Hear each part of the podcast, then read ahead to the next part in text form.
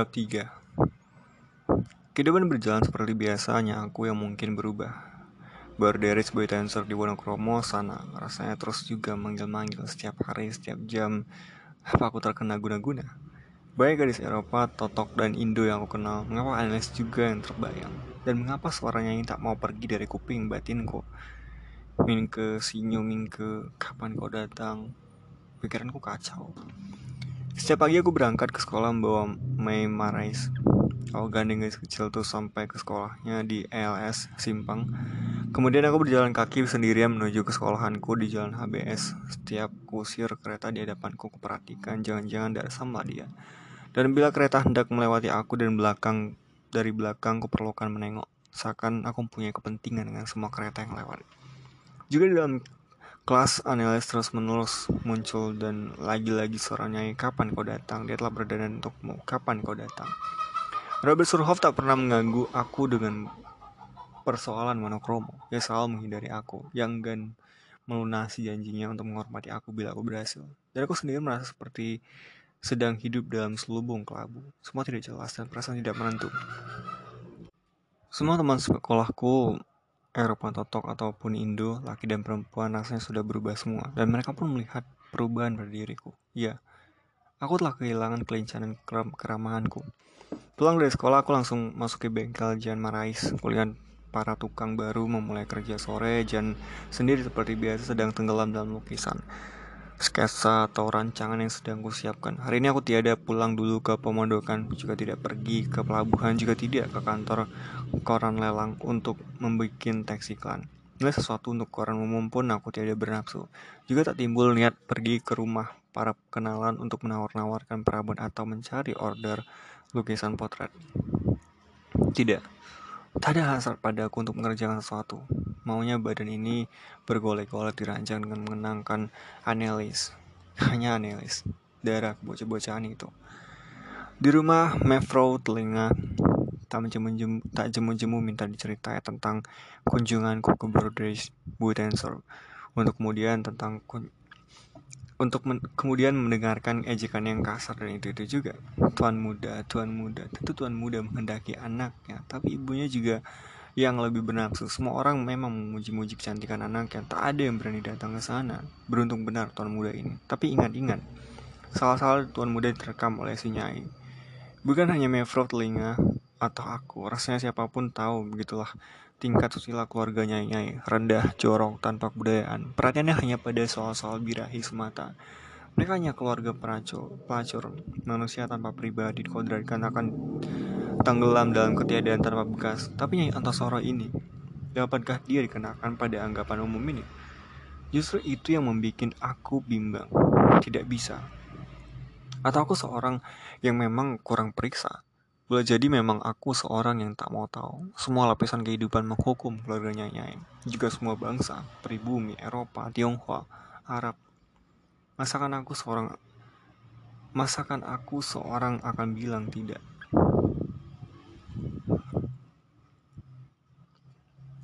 Perintahnya pada aku untuk mencium guys. Karena itu juga pertanda rendahnya tingkat sosial. Mungkin. Namun ajakan Mevro telinga terasa menyinggung perdalam hatiku.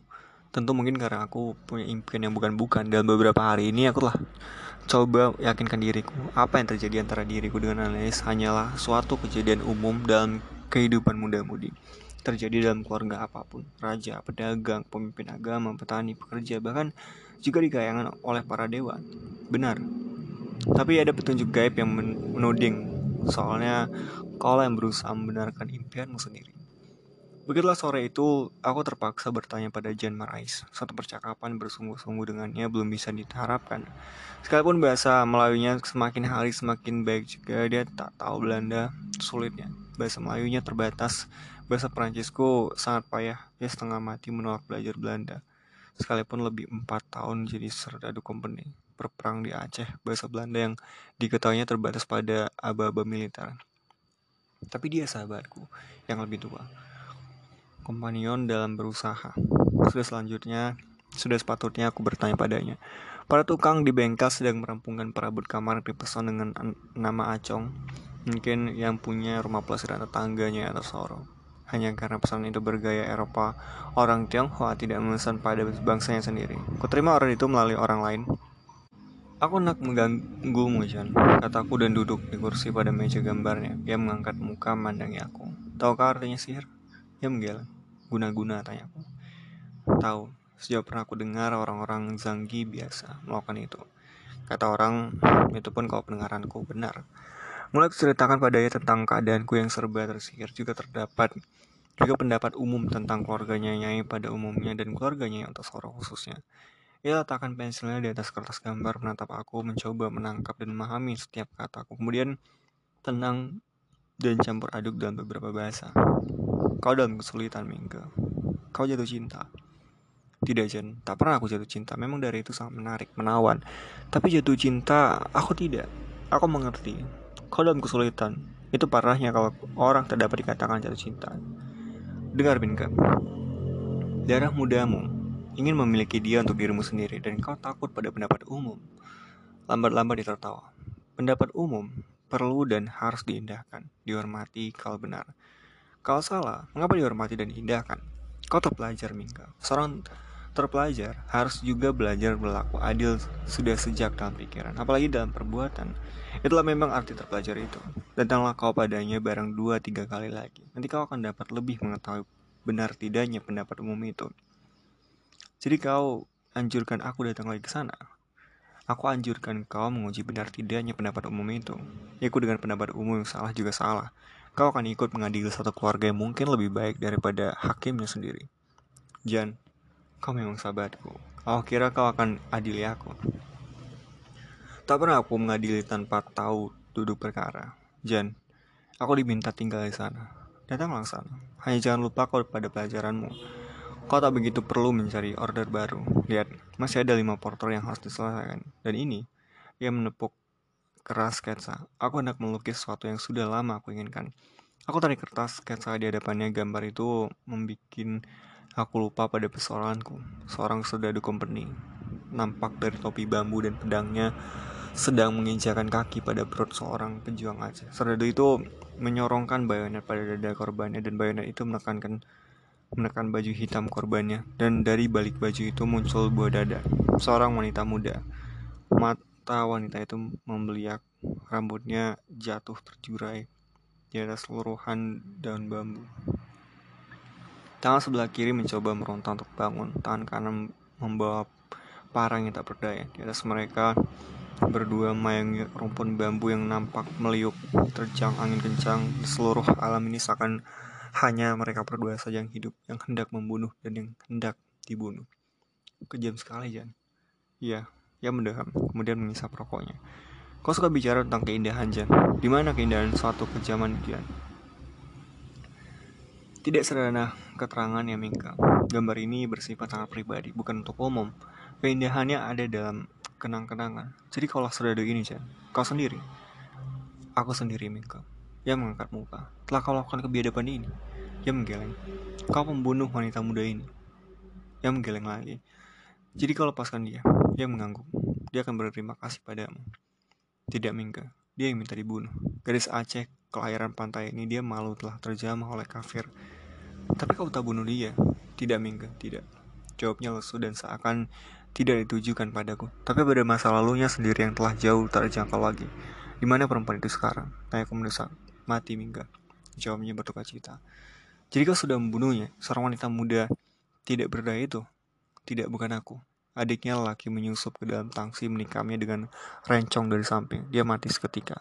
Rencong itu beracun. Pembunuh itu sendiri terbunuh di bawah petikan sendiri. Mampus kafir, ngikut kafir. Mengapa adiknya menikamnya? Sudah lupa sama sekali aku pada kesulitan pribadi. Adiknya tetap berjuang untuk negerinya, untuk kepercayaannya. Kakaknya ini tidak setelah dia menyerah, dia mati tanpa saksi Mingke. Waktu itu anaknya sedang diajak jalan-jalan oleh tetangga, suaminya sedang pergi bertugas. Jadi perempuan ini kemudian hidup dalam tangsi company, jadi tawanan, jadi tawanan sambil beranak. Tadinya jadi tawanan, kemudian tidak, jawabnya cepat. Jadi dia lantas kawin dengan seorang. Tidak, dia tidak kawin. Dan anak yang diajak jalan-jalan oleh tangga itu dari mana asalnya? Anak itu bayi yang diberikannya padaku. Anakku sendiri, Mingke. Jan. Ya, Mingke. Jangan sampaikan pada Mei cerita ini. Mendadak saja aku jadi aku jadi perasaan. Aku lari mencari Mei yang sedang tidur dengan aman di atas ambin kayu tanpa spray. Aku angkat dia dan kuciumi. Ia terkejut, melalak melihat padaku. Kata berkata sesuatu pun. Mei, Mei. Suruhku sentimental. Aku gendeng dia keluar mendapatkan Jan Marais kembali. Jan, inilah anakmu. Inilah bayi itu, Jan. Kau tidak bohongi aku, Jan. Kau bohongi aku, kan? Orang Prancis yang sedang bertompang dagu itu memandang jauh keluar rumah. Ia tak mau mengulangi ceritanya. Ia tak mau menjawab. Betapa mengibarkan nasib dari kecilnya, juga ibunya, lebih-lebih sahabat Jan Marais sendiri. Di negeri asing, tanpa hari depan, kehilangan sebelah kaki kula. Ia sering bercerita sangat mencintai istrinya dan anak ini adalah anak tunggal. Kini tanpa ibu untuk selama-lamanya. Hanya punya seorang ayah berkaki satu. Itu sebabnya kau anjurkan aku datang lagi ke Wonokromo itu. Cinta itu indah, Mingga. Terlalu indah yang bisa didapatkan dalam hidup manusia yang pendek ini. Katanya murung dan diambilnya Mei dari gendonganku. Kemudian dipangkunya. Garis itu mencium pipi ayahnya yang tidak bercukur dan Jan meneruskan bicaranya dalam Perancis pada anaknya. Kau terlalu lama tidur, Mei. Akan jalan-jalan kita, Papa. Tanya Mei dalam Perancis. Iya, mandilah dulu. Mei berlonjak-lonjakan riang pergi mendapatkan pengasuhnya. Kupandangi si gadis kecil yang tak pernah mengenal ibunya itu. Cinta itu indah, Mingga. Juga kebinasaan yang mungkin membuntutinya. Orang harus berani menghadapi akibatnya. Tentang diriku, Jan. Belum tentu aku mencintai gadis monokromo itu. Bagaimana kau tahu kau mencintai ibu Mei? Barangkali kau tidak atau belum mencintai gadis itu. Bukan aku yang menentukan. Lagi pula, tak ada cinta muncul mendadak. Karena dia adalah anak budayaan, bukan batu dari langit. Setidak-tidaknya bukan aku yang menentukan, yang menjalani sendiri. Kau harus uji dirimu, hatimu sendiri. Boleh jadi gadis itu suka padamu, ibunya jelas sayang padamu sejauh sudah kau ceritakan itu sudah sayang pada perkenalan pertama. Aku tak percaya pada guna-guna. Barangkali memang ada, tapi aku tak perlu mempercayainya. Karena itu hanya bisa berlaku dalam kehidupan yang masih terlalu sederhana tingkat peradaban. Apalagi kau sudah bilang, Nyai melakukan segala pekerjaan kantor. Orang begitu tidak akan bermain guna-guna. Dia akan lebih percaya pada kekuatan pribadi. Hanya orang tidak berpribadi bermain sihir, bermain dukun. Nyai itu tahu apa yang diperlukannya. Barangkali dia mengenal kesunyian hidup anaknya.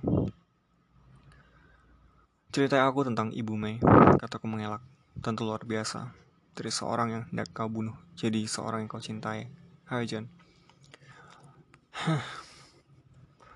Lain kali sajalah. Hatiku belum lagi bersu bersuasana bercerita. Coba lihat sketsa ini saja. Bagaimana pendapat? Aku tak tahu soal menyoal begini Jan. Kau mudah terpelajar. Sepatutnya mulai belajar mengerti. Hatiku belum lagi bersuasana untuk belajar mengerti. Baiklah. Kau mau mengajak jalan-jalan sore ini kan? Kau tak pernah membawanya. Tuduhku menyesali. Dia ingin berjalan-jalan denganmu. Belum bisa, Mingke. Kasihan dia. Orang akan menonton kami berdua pada suatu kali. Dia akan dengar mereka bilang, lihat Belanda buntung pincang dengan anaknya itu. Jangan, Mingke. Jiwa semudah itu jangan dilukai dengan penderitaan tak perlu. Sekalipun cacat ayahnya sendiri, dia hendaknya tetap mencintai aku dan memandang aku sebagai ayah yang mencintainya, tanpa melalui suara dan pandangan orang lain. Tak pernah ia bicara sebanyak itu, juga tak pernah semurung itu. Apa sebenarnya sedang terjadi dalam dirinya? Boleh jadi ia rindu pada masa lalu yang telah hilang, tak tergapai lagi. Atau pada negeri di mana ia pernah dilahirkan, dibesarkan, dan untuk pertama kali melihat matahari. Tapi tak berani pulang ke cacat. Punya anak kelahiran negeri lain, atau merindukan suatu karya yang akan membuat negerinya menyambutnya dengan segala kebesaran sebagai pelukis. Kau tak pernah setuju dengan perasaan kasihan, Jan. Aku menegur. Kau benar, Mingga. Pernah aku ceritai kau, kasihan hanya perasaan orang berkemauan baik yang tidak mampu berkasihan. Hanya satu kemewahan. Atau satu kelemahan. Yang terpuji memang dia yang mampu melakukan kemauan baiknya. Aku tak punya kemauan, Mingga. Makin lama aku renungkan, kata itu sangat indah. Terasa di India ini, tidak di Eropa. Nada suaranya semakin murung juga. Itu bukan pribadi seorang Jan Marais, tegurku. Aku khawatir kau mulai jadi bukan dirimu sendiri lagi, Chan. Terima kasih atas perhatianmu, Mingga. Aku lihat kau semakin hari semakin cerdas. Terima kasih, Jan. Aku harap kau jangan semurung itu. Kau masih punya sahabat, aku. Mei datang mengetahui ayahnya tak ikut jalan-jalan sekaligus air mukanya berubah. Pergilah Mei dengan Om Mingga. saya masih ada ada pekerjaan harus diselesaikan jangan memberengut begitu Oh gandeng gadis kecil perawakan Prancis Aceh ini meninggalkan, meninggalkan rumah. Papa tak pernah mau jalan-jalan denganku. Gadis itu mengadu dalam Belanda. Dia tak percaya aku kuat menuntunnya. Aku mampu menjaganya dengan jangan sampai jatuh. Tentu saja kau kuat, Mei. Papamu memang lagi banyak kerja hari ini. Dan kali tentu dia mau diajak. Ya aku bawa ke tanah-tanah tanah lapang Koblen dan mulai lupa pada kecewaannya kami duduk di rumputan menonton orang-orang berdulayang ia mulai bercericau dalam Jawa bercampur Belanda, kadang juga Perancis. Tak perhatikan, tak perhatikan apa yang diceritakannya. Hanya aku iakan saja. Pikiranku sendiri sedang kacau diserbu berbagai hal, keluarga Malema, keluarga Marais, sikap teman-teman sekolah yang berubah terhadapku dan aku sendiri yang juga jadi berubah. Beberapa layang-layang putus mengimbak-imbak di angkasa tanpa tujuan. menarik tanganku menuding pada segumpal mendung yang muncul di ufuk. Kau mencintai papamu, Mei? Ia pandangnya aku dengan mata terheran-heran. Pada wajahnya tampak olehku ujian marais. Tak ada aku dapatkan sedikit pun garis-garis dari wanita muda yang menjelempah di bawah rumpunan bambu dalam ancaman bayonet itu. Wajah ini mungkin wajah Jan sendiri semasa kecil dan Marais kecil ini sama sekali belum lagi tahu siapa ayah sebenarnya. Jan katanya sendiri pernah belajar di Sorbonne. Ia tak pernah bercerita dari jurusan apa atau sampai tingkat berapa. Mendengarkan suara hati sendiri, ia tinggalkan kuliah dan mencurahkan kekuatan sepenuhnya pada seni lukis. Ia mengakui belum pernah berhasil, kemudian ia tinggal di kuartier Latin di, di Paris, menjajakan lukisan-lukisan di pinggir jalan, karya-karyanya selalu laku, tapi tak pernah menarik perhatian masyarakat dan dunia kritik Paris. Sambil menjajakan lukisan ia mengukir juga di pinggir jalan itu, Lima tahun telah berlalu, ia tak juga mendapat kemajuan. Ia bosan pada lingkungannya, pada gerombolan penonton yang melihat ia membuat patung Afrika atau mengukir pada Paris, pada masyarakat sendiri, pada Eropa. Ia merindukan sesuatu yang baru, yang bisa mengisi kekers kekersangan hidup. Dia tinggalkannya Eropa, pergi ke Maroko, Libya, Aljazair, dan Mesir. Ia tak, punya, ia tak juga menemukan sesuatu yang dicarinya dan tidak diketahuinya itu tidak pernah merasa puas, tetap gelisah, resah. Ia tetap tak dapat menciptakan lukisan sebagaimana ia impikan. Ia tinggalkan Afrika sampai di Hindia, uangnya tumpas. Jalan satu-satunya untuk menyelamatkan hidup adalah masuk company. Ia masuk mendapat latihan beberapa bulan dan berangkat ke medan perang di Aceh.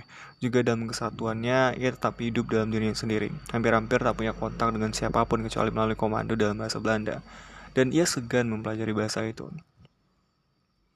Mei Marais tidak tahu atau belum tahu semua itu. Aku akan melukis sambil jadi serdadu. Chen Marais bertekad. Pribumi Hindia sangat sederhana. Takkan ada perang yang bakal mereka menangkan. Apa arti parang dan tombak di hadapan senapan dan meriam pikirnya. Ya dikirimkan ke Aceh sebagai spandri. Spandri itu artinya serdadu kelas 1. Komandan regunya Kopral Basian Telinga, seorang Indo-Eropa. Sekiranya ia bukan Toto, tak bisa tidak ia akan tinggal jadi serdadu kelas 2 melalui hidup di antara serdadu-serdadu Eropa totok seperti dia sendiri yang juga tak tahu Belanda, orang Swiss, Jerman, Swedia, Belgia, Rusia, Hungaria, Rumania, Portugis, Spanyol, Italia, hampir semua bangsa Eropa, semua sampah buangan dari kehidupan negeri masing-masing. Mereka adalah orang-orang putus asa atau bandit-bandit pelarian atau orang yang lari dari tagihan hutang atau bangkrut karena perjudian dan spekulasi. Semua saja petualang dan tak ada di antara mereka di bawah Spandri. Serdadu kelas 2 hanya pangkat untuk Indo dan pribumi, dan umumnya orang-orang Jawa dari Purworejo. Mengapa pada umumnya pribumi dari Purworejo? Sekali waktu aku pernah bertanya, mereka itu jawabnya orang-orang yang tenang, kompeni memilih mereka untuk menghadapi bangsa Aceh yang bukan saja pandai mengertak, juga ulet dan keras seperti baja, bangsa perbuatan. Orang-orang ber, berangsangan, terutama dari daerah kapur yang tangguh pada awalnya saja akan tumpas di Aceh. Pengalaman di Aceh membuat ia mengakui prasangkanya tentang kemampuan perang pribumi ternyata keliru. Kemampuan mereka tinggi, hanya peralatannya saja yang rendah. Kemampuan berorganisasi juga tinggi, sebaiknya ia juga mengakui kehebatan Belanda dalam memilih tenaga perang. Prasangkaku, sekali waktu ia bercerita bahwa perang dan tombak Parang dan tombak dan ranjau Aceh takkan mampu menghadapi senapan dan meriam, juga keliru. Orang Aceh juga punya cara berperang khusus dengan alamnya, dengan kemampuannya, dengan kepercayaan melihat kenyataan ini tambah lagi. Mereka membela apa yang mereka anggap jadi haknya tanpa mengindahkan maut. Semua orang, semua pun kanak-kanak. Sampai pun kanak-kanak. Mereka kalah tapi tetap melawan, melawan Mingke dengan segala kemampuan dan ketidakmampuan. Waktu aku bertugas di sana pada lain kali ia bercerita dengan bahasa yang campur aduk itu, pertahanan orang Aceh sudah terdesak jauh ke pedalaman dan selatan di daerah Takengon. Seorang panglima Aceh, Jod Ali, sudah kehilangan banyak kekuatan dan daerah, namun tetap dapat mempertahankan ketinggian semangat pasukannya. Suatu rahasia yang tak dapat aku pecahkan. Mereka tetap bertempur bukan hanya melawan company, juga melawan kehancurannya sendiri. Hubungan lalu lintas company selalu jadi sasaran empuk, jembatan, jalanan, kawat telegraf, kereta api dan relnya, peracunan, air minum, serangan dadakan ranjau bambu, penyergapan, penikaman, tak terduga, pengamukan dalam tangsi, Para jenderal Belanda hampir hampir tak sanggup meneruskan operasi penumpasan yang tertumpas selalu ke anak-anak, kakek nenek yang orang sakit, wanita bunting, dan orang-orang tak berdaya itu. Kan. Justru merasa beruntung bila dibunuh kompeni. Sasus dari atasan mengatakan memang korban di antara serdadu Eropa tak pernah mencapai 3.000 orang seperti dalam Perang Jawa, tapi tegangan syaraf menguasai seluruh pasukan kompeni di setiap jengkal tanah yang diinjaknya, dan Jan Marais mulai belajar mengagumi dan mencintai bangsa pribumi yang gagah perwira ini, berwatak dan berpribadi kuat ini. 20 tahun mereka sudah berperang, berhadapan dengan senjata paling ampuh pada zamannya, hasil ilmu pengetahuan dan pengalaman seluruh peradaban Eropa. Cinta itu indah, Mingga. Terlalu indah, katanya yang masih juga masih belum bercerita bagaimana ia dapat mengubah wanita musuhnya jadi wanita yang dicintai dan boleh jadi mencintainya juga. Jadi wanita yang memberinya seorang anak kesayangan, Mei, sekarang duduk bercericau di pangkuanku. Aku belai rambutnya. Berapa bulan ibumu sempat memberimu air dada padamu, anak manis. Kau tak pernah melihat Pasang mata ibu, wanita Aceh kelahiran pantai itu. Kau tak akan pernah bisa berbakti padanya. Kau semuda ini, Mei. Telah kehilangan sesuatu yang tak mungkin akan tergantikan oleh apa dan siapa pun. Lihat sana itu, serunya dalam Belanda, di atas mendung datang itu. Masalah yang lain seperti kepiting. Memang tidak cocok kalau kepiting terbang di langit. Mendung semakin tebal, Mei. Mari pulang.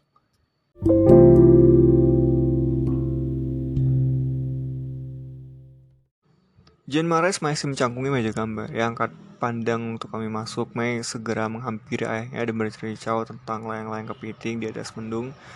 Jen mengangguk memperhatikan dan aku mondar-mandir melihat-lihat lukisan jadi yang besok atau lusa aku antarkan pada para pemesan. Jen tak akan mungkin mampu melayani kebawelan mereka. Ada saja perubahan yang mereka kehendaki agar lukisan lebih sesuai dengan anggapan mereka sendiri. Dan itulah pekerjaanku. Pekerjaan berat tertentu. Meyakinkan mereka pelukisnya adalah pelukis besar Prancis. Cukup jadi jaminan akan kepribadian yang lebih abadi dari pemesannya sendiri. Kalau diubah lagi, keabadiannya akan rusak dan akan jadi potret kimia biasa. Kebawelan paling gigih selamanya datang dari pemesan wanita. Beruntung aku banyak mendengar keterangan dari Jan sendiri. Wanita lebih suka mengabdi pada kekinian dan gentar pada ketuaan. Mereka dicengkam oleh impian tentang kemudaan yang rapuh itu dan hendak bergayutan abadi pada kemudaan impian itu. Umur sungguh aniaya bagi wanita. Maka juga setiap kebawelan wanita harus dilawan dengan kebawelan lain. Lukisan ini adalah warisan terbaik untuk anak-anak Mevro, bukan semata-mata untuk Mevro. Beruntung semua pemesan wanita itu bukan dari golongan mandul. Biasanya kebawelanku men menang. Kalau toh kalau kalah juga terpaksa aku mengancam. Baik, kalau Mevro tak suka, kelusukan ini akan kutebus sendiri. Akan kupasang di rumahku sendiri. Biasanya ancaman demikian menimbulkan kecucukan. Orang segera bertanya, untuk apa? Dan ku jawab, kalau sudah jadi milikku, aku apakan juga tak akan ada halangan. Ya apakan misalnya. Ya memang bisa aku beri berkumis. Tapi tak pernah aku nyatakan demikian. Pendeknya sampai sekarang aku tak pernah kalah dalam kebabelan. Sebagai apalagi setelah tahu kebabelan banyak kali dianggap wanita sebagai ukuran kelihayan. Sudah sore Jan, aku pulang. Terima kasih Mika atas segala dan semua kebaikanmu. Ya lambaikan tangan meminta aku mendekat. Bagaimana sekolahmu? buat kepentingan Mei dan aku tak dan aku kau tak pernah sempat belajar di rumah. Aku khawatir. Beres Yan. Ujian selalu aku lalui dengan selamat. Menyeberangi pagar hidup di samping rumah sampai laku di pelataran pemondokan, Darsam sudah lama menunggu aku dengan sepucuk surat. Tuan muda. Ia memberi tabik, kemudian bicara jauh. Nyai menunggu jawaban. Darsam menunggu Tuan muda. Surat itu memberitahukan keluarga Wonokromo menantikan kedatanganku. Analis sekarang jadi pelamun, tak suka makan. Pekerjaannya banyak terbengkalai dan salah. Senyum Mingke, alangkah akan berterima kasihnya seorang ibu yang banyak pekerjaan ini kalau Sinyo sudi memperhatikan kesulitannya. Analis salah satunya pembantuku. Aku tak akan mampu kerjakan semua seorang diri. Aku khawatir sekali akan kesehatannya. Kedatangan Sinyo adalah segala-galanya bagi kami berdua. Datanglah Sinyo. Biarpun hanya sebentar, satu dua jam pun memadai. Namun kami mengharapkan dengan sangat agar Sinyo suka tinggal pada kami. Selanjutnya terima kasih tak terhingga untuk perhatian dan kesudian Sinyo. Surat itu tertulis dalam Belanda yang patut dan benar. Rasanya tak mungkin ditulis oleh seorang lulusan sekolah dasar tanpa pengalaman. Entahlah, mungkin ditulis oleh seorang orang lain. Setidak-tidaknya bukan oleh Robert Malema. Tapi apa pentingnya siapa penulisnya? Surat itu memberanikan aku mengembalikan kepribadianku. Bukan aku saja telah tergenggam oleh mereka mereka sebaliknya pun tergenggam olehku. Genggam menggenggam lah. Kalau tak dapat dikatakan sihir menyihir seorang ibu yang bijaksana dan berwibawa seperti Nyai memang dibutuhkan oleh setiap anak. Dan daerah cantik tidak bandingan dibutuhkan oleh setiap pemuda. Lihat mereka membutuhkan aku demi keselamatan keluarga dan perusahaan. Karena aku termasuk hebat juga Aduh, sekarang ini betapa banyak alasan dapat aku berikan untuk membenarkan diri sendiri. Baik, aku akan datang.